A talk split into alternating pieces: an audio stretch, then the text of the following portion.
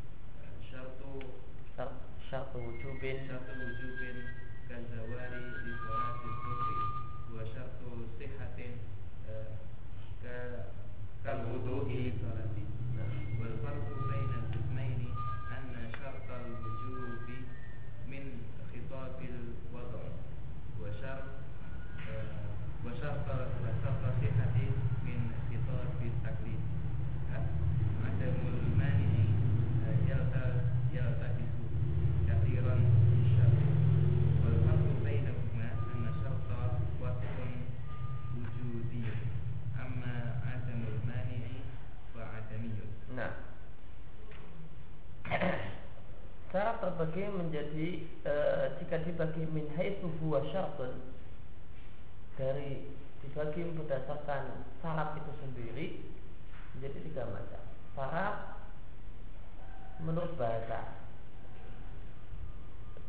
Maka syarat menurut bahasa artinya memasukkan in Sartiyah. Jika ada in Sartiyah. Maka itu syarat menurut nahwu. Intakhal eh, intakhal di asara jika engkau masuk ke rumah itu maka engkau aku cerai. Maka di sini ada in in syartiyah. Maka ini syarat menurut bahasa.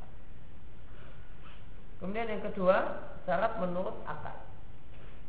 Kal hayati lil ilmi. Sesuatu yang memiliki ilmu pasti hidup. Zat yang memiliki ilmu tidak mungkin dia adalah zat yang mati. Demikian akal mengatakan. Dan syarat uh, syarat syar'i contohnya adalah persyaratan taharah berwudu untuk sholat. Dan yang dimaksudkan dalam kesempatan ini adalah syarat syar'i dan syarat syar'i itu ada dua macam. Ada syarat wajib ya, semacam bergesernya matahari ke barat merupakan syarat wajib sholat dulu dan syarat sah semacam wudhu untuk sholat. Dan perbedaan antara dua jenis syarat ini adalah syarat wajib itu min khitabil wada'i. Syarat wajib itu bagian dari hukum wada'i. Sedangkan syarat sah itu adalah bagian dari hukum taklifi. Syarat sah itu bagian dari hukum taklifi. Manusia punya kewajiban dibebani untuk mengerjakan wudhu.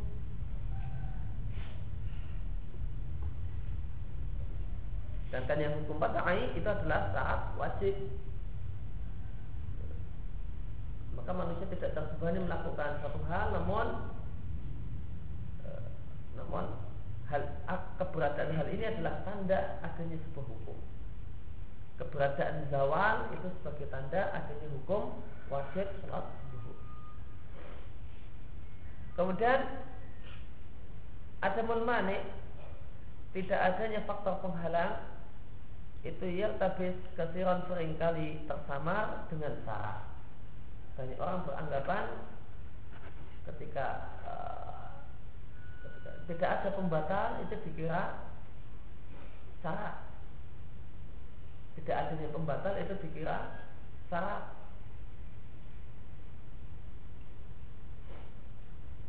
Al-farqu bainahuma yang benar ini dua hal ini berbeda dan perbedaan di antara keduanya yang namanya syarat itu adalah wasful wujudi.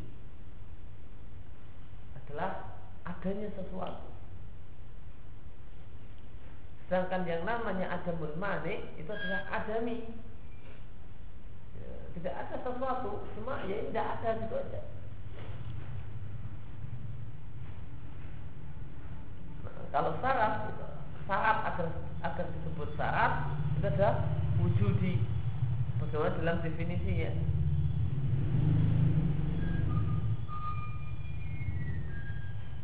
Bagaimana dalam definisi? Maka dia adalah sesuatu yang ada bergesernya matahari ke barat. Ada fenomena matahari geser ke barat. Ini syarat adapun dan ini berbeda dengan tidak adanya pembatal ya. tidak kentut. Nah, ini ini ada melmane bukan? Bukan? Syarat tidak, kentut dalam sholat. Ini bukan syarat bukan uh, bukan uh, bukan syarat berkaitan dengan sholat. Namun cuma tidak melakukan pembatal kemudian pokok bahasan yang keempat adalah sah dan batal. Mujziyatan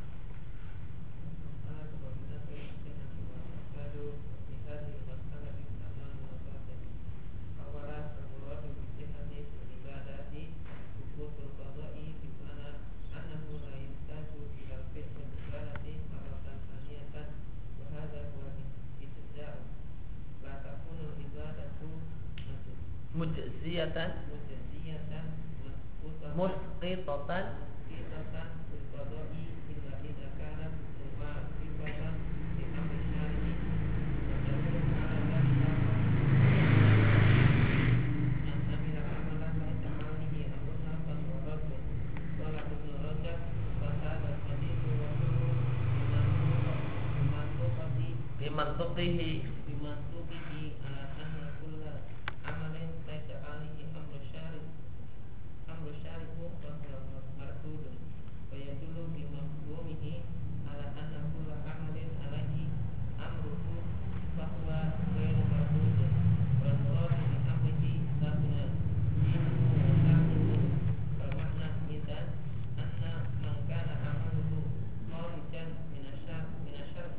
الشرعي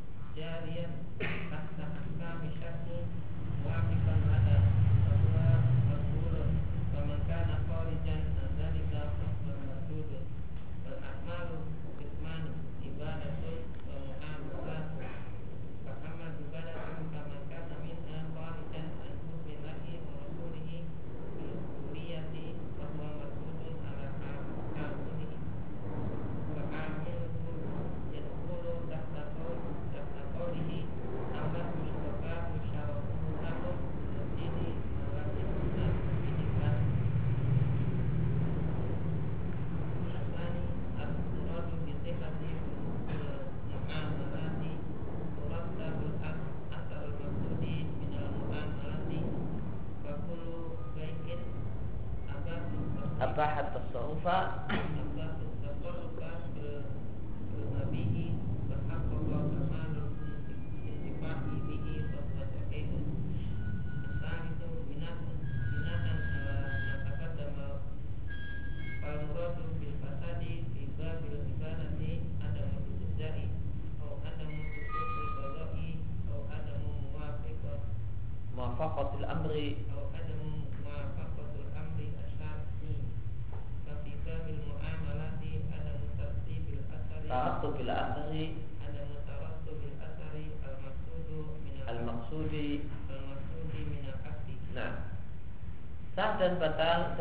ini ada 8 poin.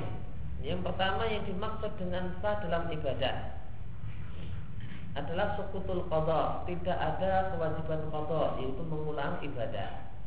Bimana artinya laista tidak perlu melakukan ibadah tersebut maratan saniyah untuk yang kedua kalinya.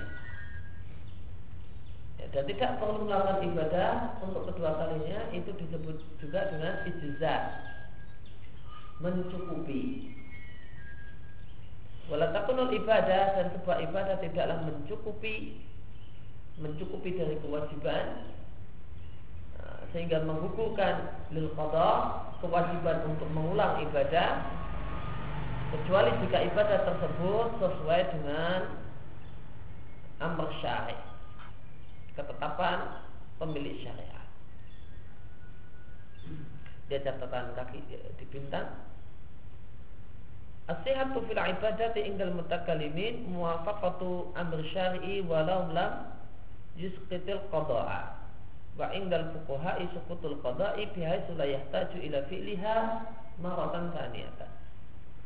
Wa ala ala dzalika fa salatu man dhanna taharata sahihatun ala qaulil mutakallimina.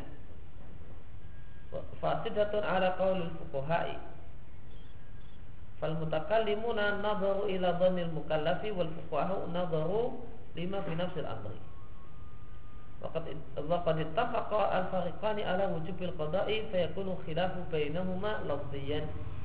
Idyar al-mutakallimuna wahum wahumul qailuna fi sihhati salati man dhanna taharata anna al-qada'a wajaba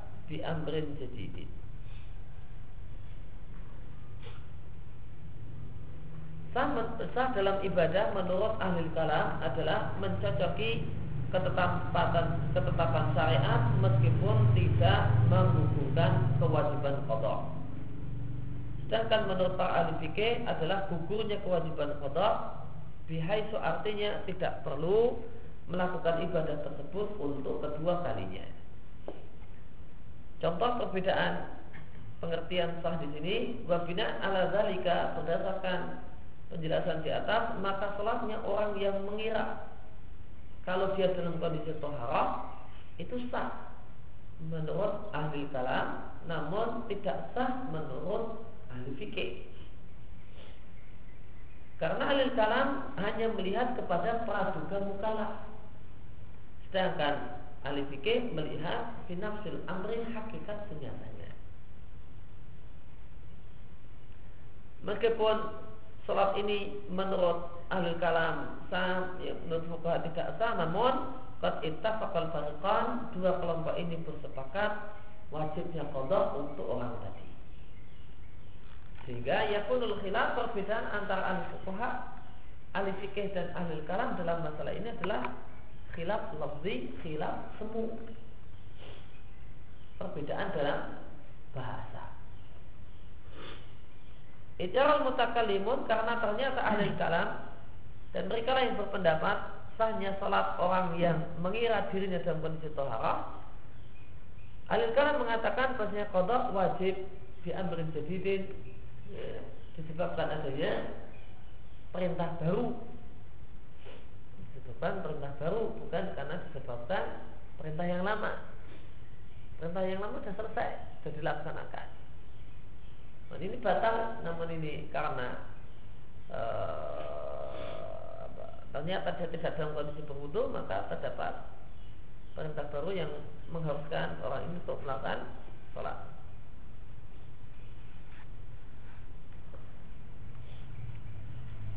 Dalil tentang masalah ini adalah hadis mana amila amalan laysa alaihi amruna bahwa raddu. Ibn Rajab lihat footnote. Abdurrahman bin Ahmad bin Rajab. Gelarnya Zainuddin kunyahnya Abdul Farad ahli fikih Hambali Al-Hafidh pakar hadis Az-Zahid seorang yang zuhud dalam hidupnya. Punya banyak karya yang bermanfaat di antaranya Jami Ulumul Hikam dan Zail Tabaqat Hanabila. Ibn Rajab mengatakan Hadis ini menunjukkan secara mantuk, secara ya, tekstualnya menunjukkan kalau semua amal yang tidak ada padanya ketetapan syariat maka itu tertolak. Sedangkan mafhumnya menunjukkan bahwa semua amal yang amal tersebut dikerjakan alih amruhu berdasarkan ketetapan syariat maka itu tidak tertolak. Artinya diterima. Alias sah Bagi amal sah jika bercocokkan dengan syariat. Dan yang dimaksud dengan amr di sini eh, adalah bentuk mufrad dari umum dan bukan bentuk mufrad dari awamir. Oleh karena itu maka yang dimaksud dengan amr di sini adalah agama dan syariat. Sehingga makna hadis jika demikian Barang siapa yang amalnya keluar dari koridor syariat dan tidak terikat dengan aturan-aturan syariat, inilah amal yang tertolak. Beliau juga mengatakan barang siapa amalnya sejalan di bawah uh, atau berjalan di bawah ketentuan-ketentuan syariat dan mencocoki ketentuan syariat, maka ini amal yang diterima dan orang yang keluar dari hal tersebut maka itulah yang tertolak dan amal itu ada dua macam ada ibadah ini terkena tempat kita dan istilah ibadah mahdah dan muamalah yaitu perkara non ibadah ada pun ibadah maka segala ibadah yang kharij dan keluar dari ketentuan Allah dan Rasulnya bil kuliah secara total maka itulah yang tertolak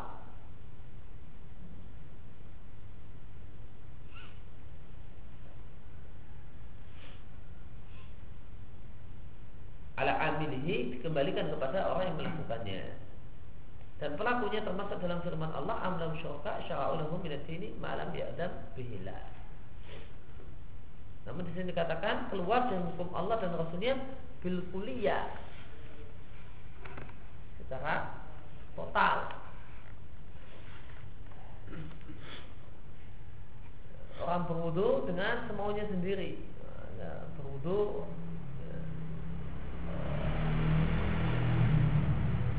maunya sendiri sehingga dikatakan keluar dari aturan Allah dan Rasulnya tentang masalah wudhu nah ini ini wudhu yang batal. Misalnya kita katakan wajib tertib maka kemudian dia membalik keadaan membalik uh, uh, urutan wudhu maka ini adalah wudhu Dan kalau tidak keluar dari hukum Allah dan Rasul secara total, nanti tidak sampai batas. Orang yang basuh tangan lebih dari tiga kali itu keluar dari ketentuan Allah dan Rasulnya.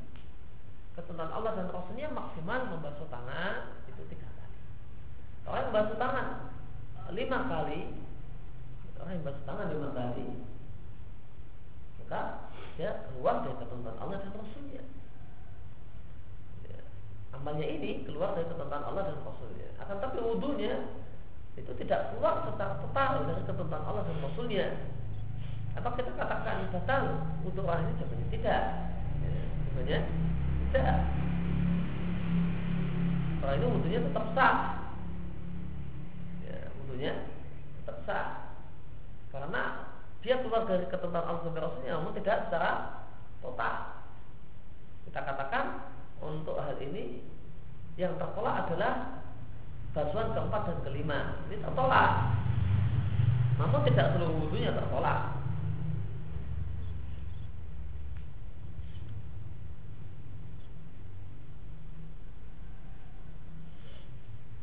Ini kalau orang ibadah beribadah sholat ngaco seenaknya dibalik-balik eh, maka orang ini keluar dari ketentuan Allah dan terusnya secara total maka batal sholatnya. Tapi kalau orang ada orang yang mengerjakan sholat dengan uh, talafut niat sebelumnya, maka ini sholat yang tidak ini sholat yang mengandung unsur keluar dari hukum Allah dan Rasulnya. Apa kemudian sholatnya batal karena keluar dari hukum Allah dan Rasulnya? Ini tidak yang batal, yang tertolak adalah talafut niatnya. Ada pun sholatnya, maka tidak tidak batal secara nah, tidak batal karena dia keluarnya tidak secara total.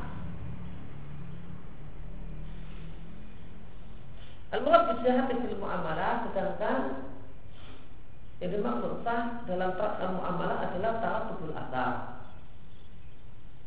Munculnya dampak terwujudnya dampak yang dimaksudkan dari sebuah muamalah.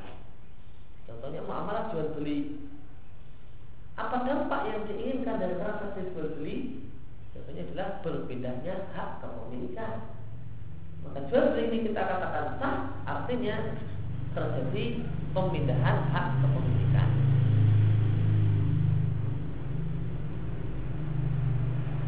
Maka semua jual beli yang membolehkan ya, tasawuf fil mabi yang membolehkan pembeli untuk mengatur dan membelanjakan barang yang dia beli Faham bahwa kamal intifabi dan mewujudkan pemanfaatan barang secara sempurna maka inilah jual beli yang sah. Jual beli yang sah adalah jual beli yang setelah transaksi terjadi setelah transaksi terjadi, terjadi maka pembeli bisa mengatur-atur barang ini bisa memakainya dengan e, merdeka dengan bebas ya mau dijual lagi juga bisa mungkin jual, beli yang sah Dasar keterangan yang lewat maka yang dimaksud dengan fasad, yang dimaksud dengan batal dalam masalah ibadah adalah ada ijazah. Tidak mencukupi dari kodok, dia masih harus kodok. Ada mencukupi kodok dan tidak menggugurkan kewajiban kodok atau tidak mencocoki ketetapan syariat. Ya footnote 2. Istilah fasad dan batal itu adalah sinonim menurut jumhur fukuha.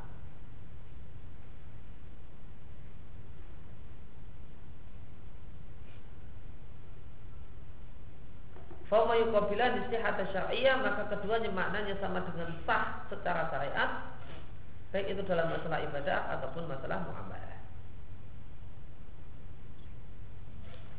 Wafibabil muamalah sedangkan dalam masalah muamalah yang dimaksud dengan tidak sah dimaksud dengan batal adalah ada mutawatubul tawatubul asal adalah dampak yang dimaksudkan dari sebuah akad itu tidak terwujud kalau itu jual beli maka tidak terjadi pemindahan kepemilikan. Ini konsekuensi jika dikatakan jual beli ini tidak sah. Artinya barangnya penjual masih tetap milik penjual, uangnya pembeli masih miliknya pembeli. Sehingga jika dipakai ketika penjual memakai uangnya pembeli maka dia memakai dan memakan harta orang lain dengan cara yang batil. Demikian juga e, pembeli yang memakai barang hanya penjual karena ini penjual yang tidak sah maka dia berarti memakan dan memakai harta orang lain dengan cara yang batil.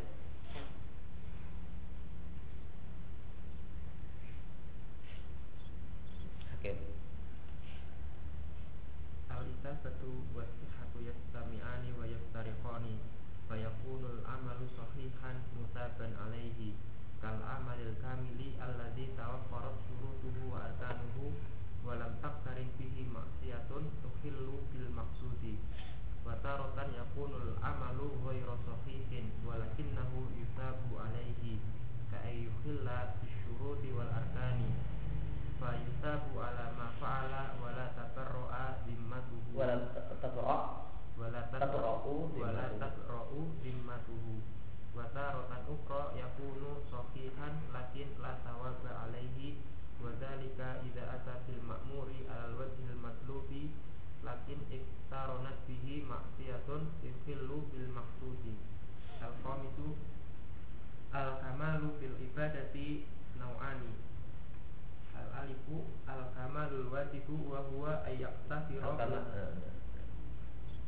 Nah, ayyaqtasira fil ibadati alal wajibi minha wa hadza kamalul kamalul muqtasidina Arba'u al-kamalul mustahabbu wa huwa ayyukta fil ibadati fil mustahabbi wa hadza kamalul muqarribai muqarribina. Muqarribina. Atau muqarrabina muqarrabina Asasisu an-naqsu fil ibadati naw'ani. Faqad yuradu bin naqsi naqsu ba'dil wajibati. Faqad yuradu bihi tarku ba'dil mustahabbati. Wadhalika mitlu qawlil fuqaha'i Al-huslu yang qasimu ila kamilin wa mujzi'in Yuriduna bil mujzi'i al-iktisaru Al-iktisara alal wajibi Wa bil kamat wa bil kamili ma'u fihi Mustahabi fil adadi wal qadari was sifati. Wa ghalibu wa ghalibu istimali fuqahai tafsirul kamili bima bima kamula. bil mustahabbati. Amma fi urfi syari'i fal kamilu huwa kam huwa ka huwa ma kamula bil wajibati. Nah, e, masalah isabah pahala dan sah Pahala dan sahnya sebuah ibadah itu terkadang bisa kumpul dan terkadang berpisah. Ada amal yang sah sekaligus berpahala. Itulah amal yang sempurna yang memenuhi semua syarat-syaratnya, rukun-rukunnya dan amal ini tidak bergandengan dengan sebuah maksiat yang merusak maksud ibadah. Terkadang pula ada amal tidak sah namun ada pahalanya.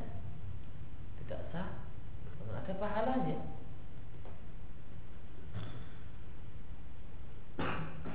Yaitu kayu khilaf bisurut seorang itu yukhilaf bisurut ya, tidak memenuhi syarat dan rukun ya, tidak memenuhi syarat dan rukun faisabu ala fa'ala maka dia dapat pahala karena perbuatan yang telah dia lakukan. Wala tafra'u zimmatuhu namun zimmahnya kewajibannya belumlah hukum.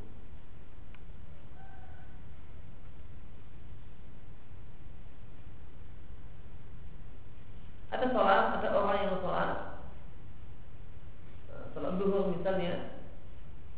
Dan dia lupa sujud yang kedua di dalam rakaat yang ke mungkin misalnya rakaat yang kedua.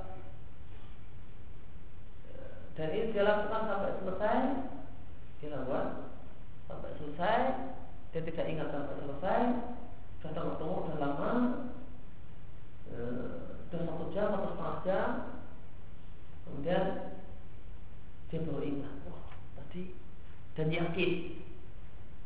Yakin kalau tadi dia meninggalkan sebuah sujud. Maka kalau sholat dua yang telah dia lakukan jadinya batal. Karena meninggalkan Tapi adakah pahalanya? Ada pahalanya. Ya, pahala perbuatan yang lain yang dia kerjakan yang benar itu tetap berpahala. Itu tidak sah. Kemudian yang ketiga, Watawatan dan pada kali yang ketiga ada amal yang sah akan tapi tidak ada pahalanya. Ketika seorang itu melakukan satu hal yang diperintahkan ala wajib dalam bentuk yang diperintahkan akan tetapi amal ini iktaranat bihi maksiatun bergandengan dengan sebuah maksiat yang maksiat ini merusak maksud ibadah. Dan kamal dalam ibadah itu ada dua macam. Kesempurnaan dalam ibadah itu ada ada dua. Ada kesempurnaan yang hukumnya wajib,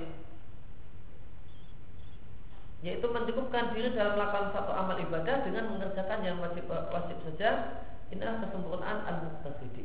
Ya, wali Allah itu ada dua macam, al-muqtasidun dan al-muqarrabun sebagaimana telah kita bahas di Al-Furqan bin Ali Rahman wa Ali Maka kesempurnaan untuk menurut uh, al-muqtasidin itu hanya adalah ketika dia mencukupkan diri dengan melakukan yang wajib-wajib saja. Sedangkan kamal mustahab adalah melakukan uh, fil ibadah bil mustahab, melakukan hal-hal yang mustahab dalam sebuah ibadah. Inilah kesempurnaan al-muqarrabi. Wali Allah jenis yang kedua yaitu al-muqarrabi. Kemudian kekurangan dalam ibadah itu ada dua macam. Fakat yurat terkadang yang dimaksudkan dengan kekurangan adalah kekurangan dengan disebabkan tidak melakukan salah satu kewajiban. Yang kedua, terkadang maksudnya adalah meninggalkan satu amal yang mustahab.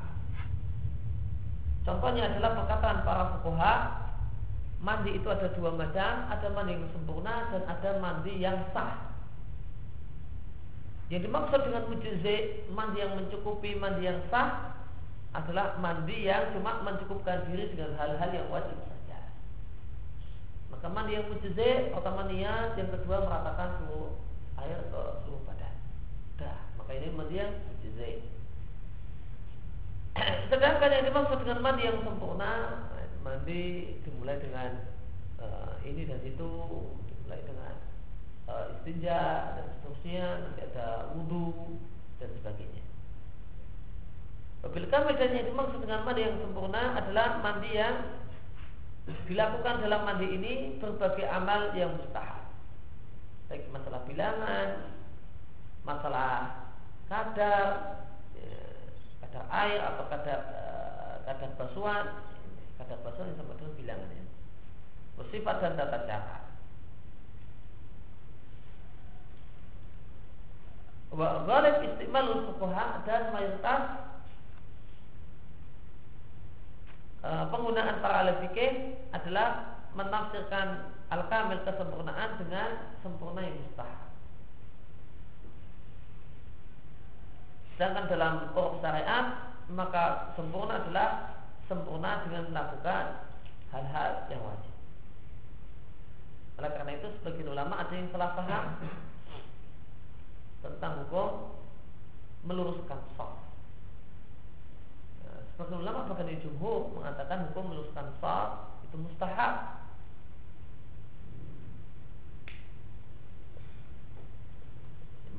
Karena Nabi Shallallahu Alaihi Wasallam eh, mengatakan Fa'inna tasbih tasufufi minta mami sholat karena lurusnya saf adalah bagian dari kesempurnaan sholat. Dipahami kesempurnaan di sini itmam di sini sama dengan kam kamal. Dipahami uh, kesempurnaan ini di, dikira dengan kamal mustahab. Kamal yang hukumnya mustahab. Akhirnya sebagian ulama mengatakan meluruskan sab hukumnya mustahab. Jadi pendapat awal penulis Taisir Alam Kemudian setelah itu beliau timbang-timbang lagi uh, dan uh, akhirnya ini kamal di sini yang dimaksud adalah kamal wajib. Nah, ini kemudian penulis dasar alam berpindah pendapat dan e, berubah pendapat dan kemudian mengatakan me, meluruskan saf dalam surat hukumnya wajib. Dan yang dimaksud dengan minta maaf sholat di sini bukan berarti mustahab, tetapi ini adalah kesempurnaan atau kamal wajib. lihat ya, kalau menurut bahasa syariat kamel itu kamel wajib. Bahasa fukuha saja yang istilahkan kamal dengan kamal mustahab. Ya. Ghalib istimal fukuha ya, bahasanya fukuha kalau kamal itu kamal mustahab. Sedangkan uruf syari bahasanya bahasa syariat bahasa Quran dan Sunnah kalau bisa disebutkan kamal maka itu adalah kamal wajib.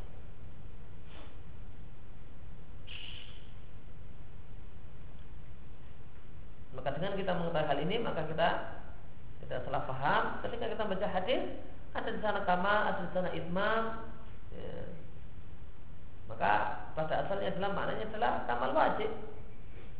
Berbeda kalau kita membaca perkataan uh, uh, perkataan ulama fikih di buku-buku fikih, maka kamal umumnya maknanya adalah hukumnya mustahab kamal mustahab.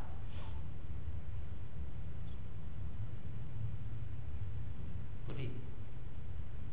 Al-khilaful waqi'u fi urfin nabi dakhilun ad-dakhilu ala musammiyati asy-syar'iyyati Faqaulihi sallallahu alaihi wasallam la salatan liman la la salata la salata liman la wudu'a lahu. Hal yahmilu yuhmalu. Hal yuhmalu ala nafil kamili al-wajibi. Kamalil. Nafil kamali nafil kamalil wajibi au kamalil masnuni.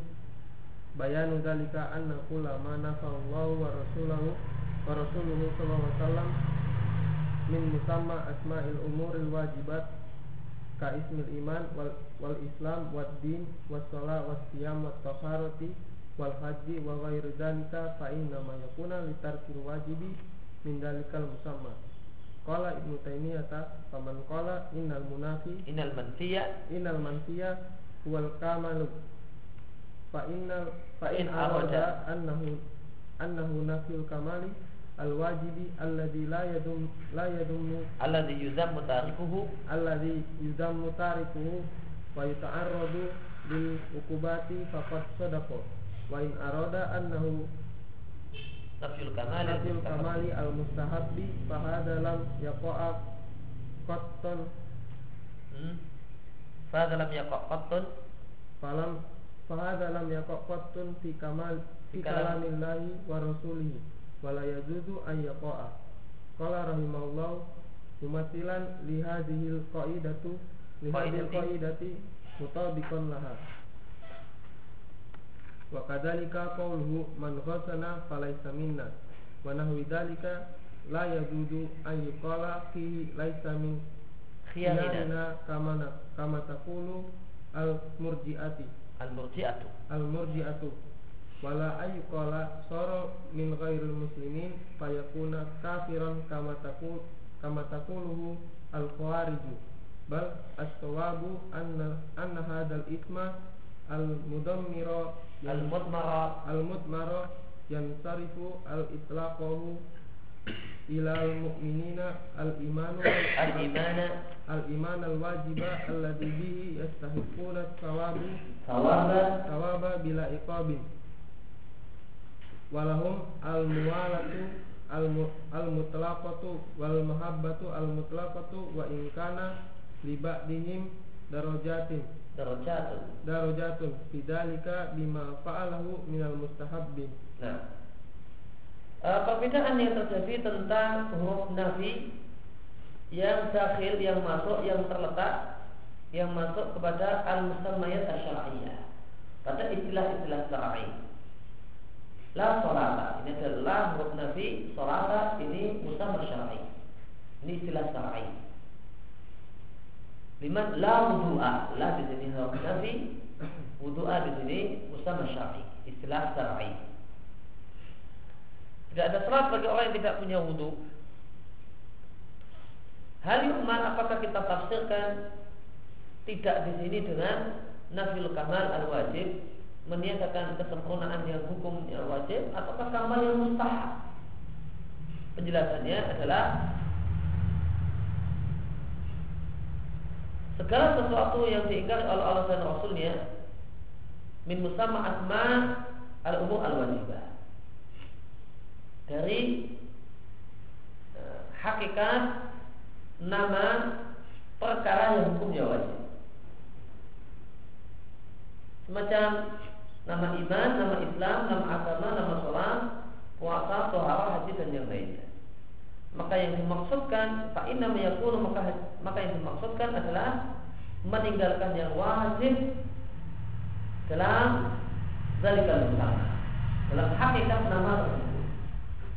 Maka yang dimaksud tidak ada sholat La sholatan maksudnya adalah meninggalkan kewajiban Ini ditujukan kepada orang yang meninggalkan kewajiban ya, Sesuatu yang hukumnya wajib dalam nama sholat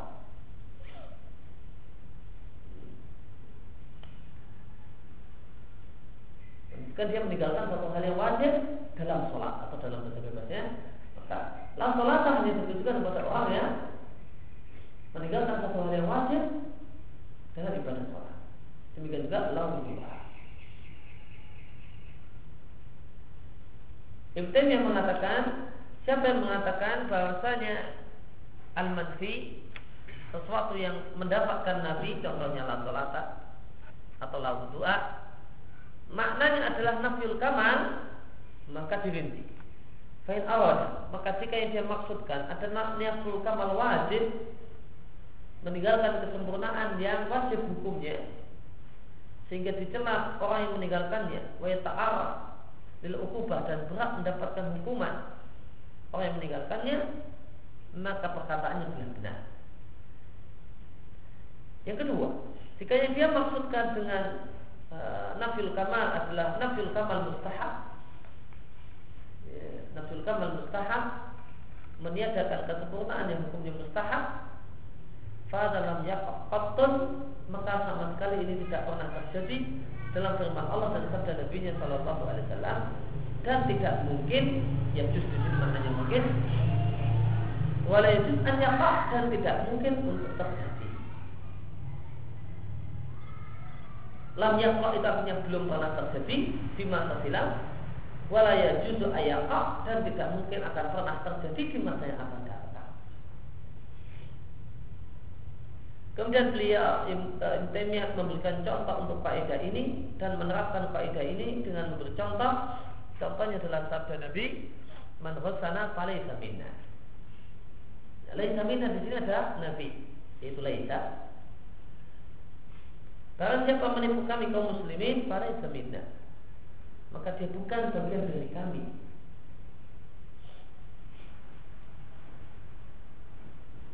Dan kalimat semacam itu maka tidaklah boleh menafsirkan hadis ini dengan mengatakan laisa min khiyarina.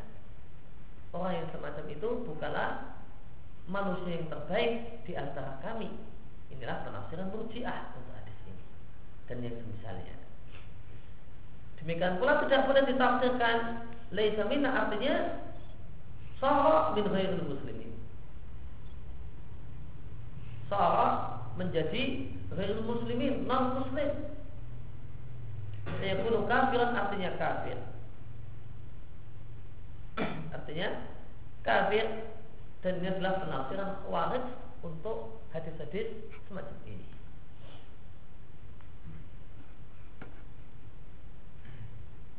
Kemudian e, kalimat perkataan Syekhul Islam di sini menunjukkan bolehnya mengatakan non muslim Bolehnya mengatakan non muslim saja adalah satu istilah yang ma'ruf di antara dikenal para ulama. Biasa ya kadang variasi berbahasa lah kadang mengucapkan kafir, kadang muslim, kadang non muslim. Ya. Tidak harus kafir. kafir.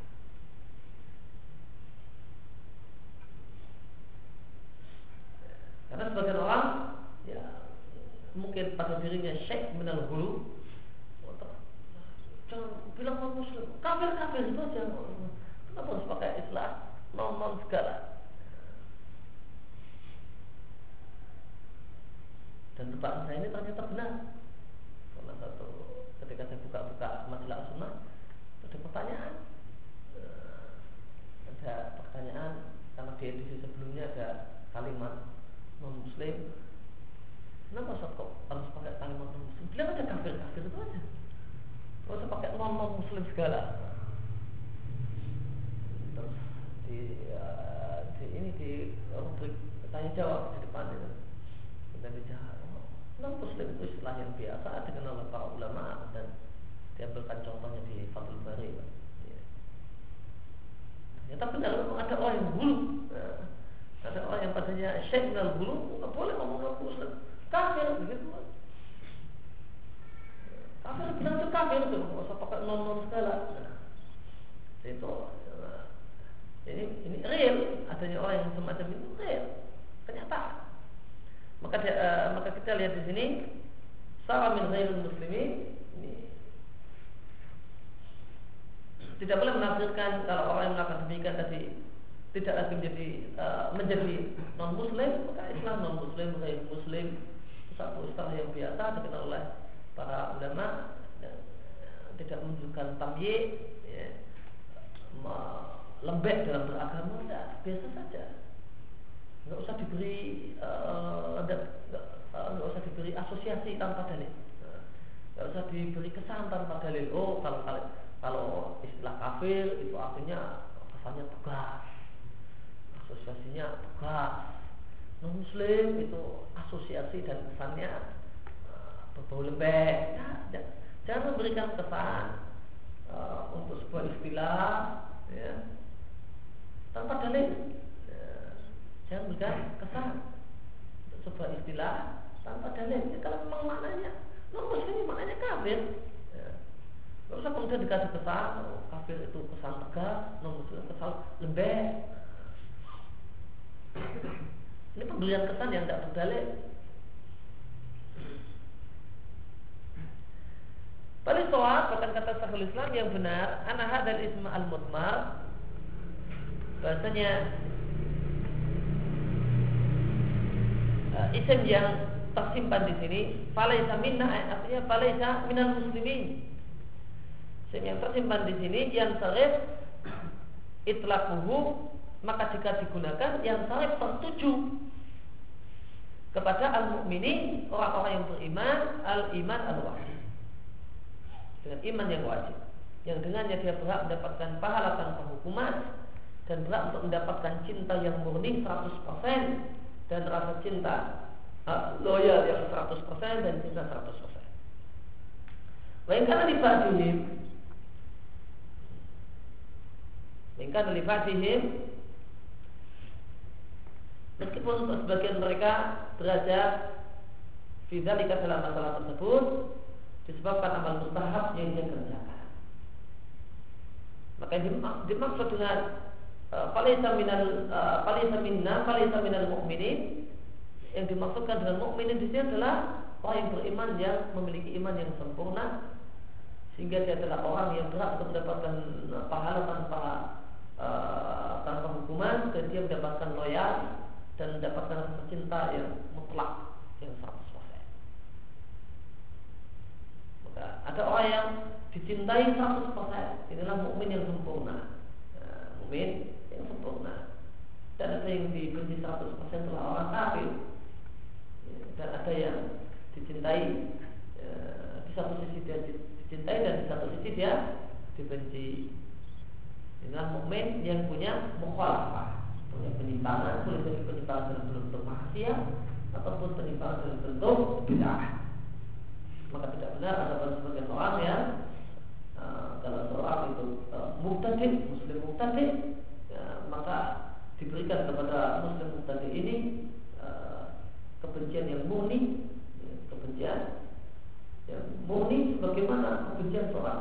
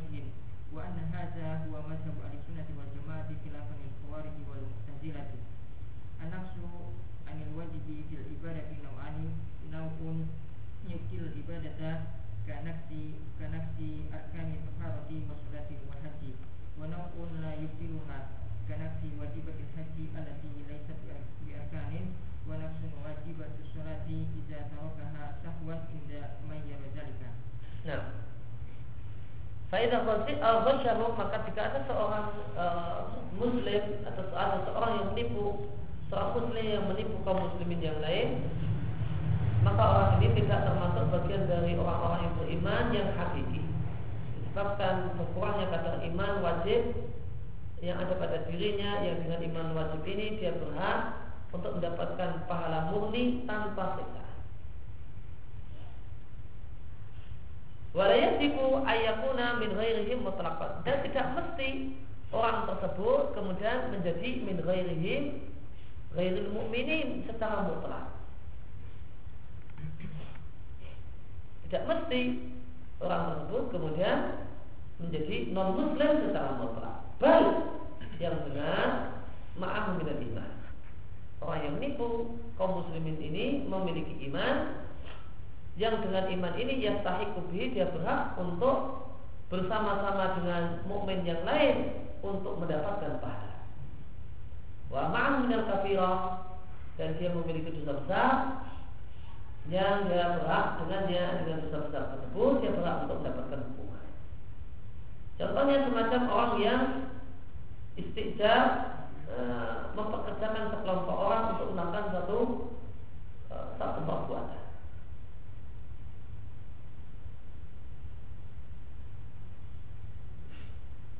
Siapa yang bisa e, menangkap sapi saya yang kabur, ya, maka dia mendapatkan upah sekian.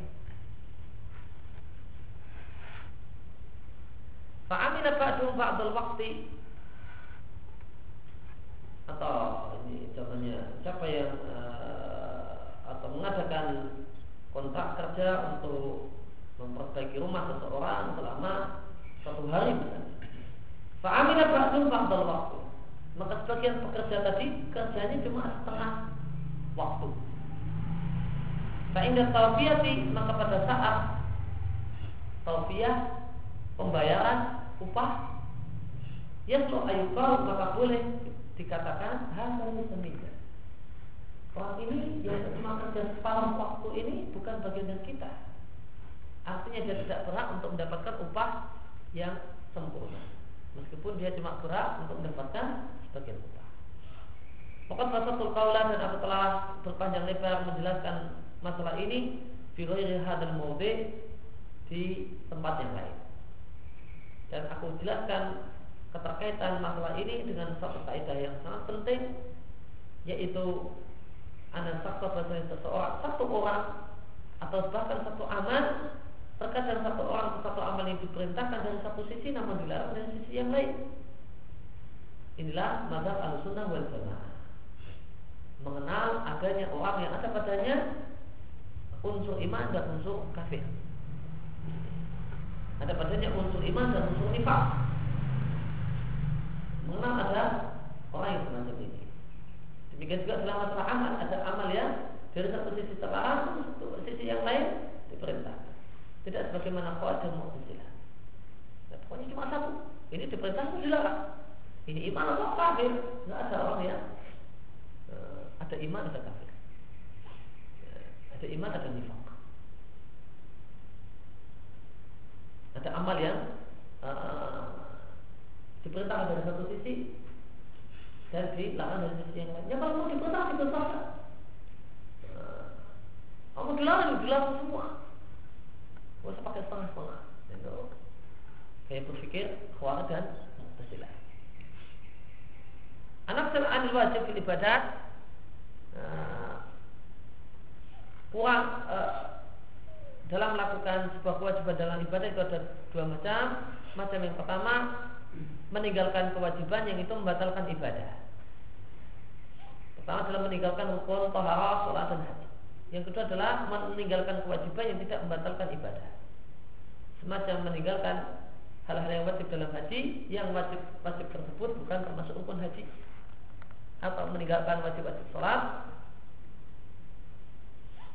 ya, atau meninggalkan wajib-wajib sholat yang bukan rukun idza tarakaha sahwan jika e, meninggalkannya lupa menurut ulama yang berpendapat demikian. Yaitu Hanabilah.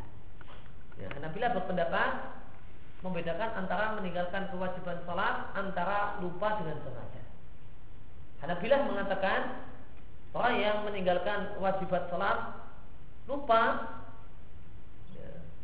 maka sholatnya tidak batal dan bisa ditutup dengan sujud sahwi. Akan tapi orang yang meninggalkan wajibat sholat ya, sengaja maka batal. Nah, Hanabilah membedakan antara orang yang meninggalkan wajibat sholat antara orang yang lupa dengan orang yang sengaja meninggalkannya tidak dalam kondisi lupa.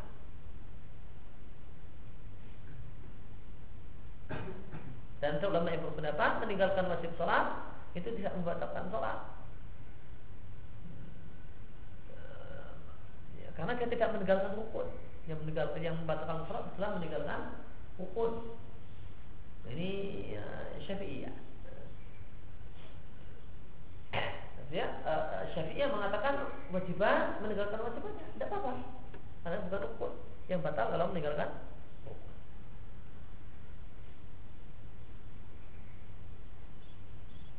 Ya, maka meninggalkan kewajiban ada dua macam yang membatalkan meninggalkan sesuatu yang wajib dilakukan ada yang membatalkan ketika itu meninggalkan rukun e, dan ada yang tidak membatalkan. Ya, demikian yang kita pada kesempatan pagi hari ini. Wassalamualaikum warahmatullahi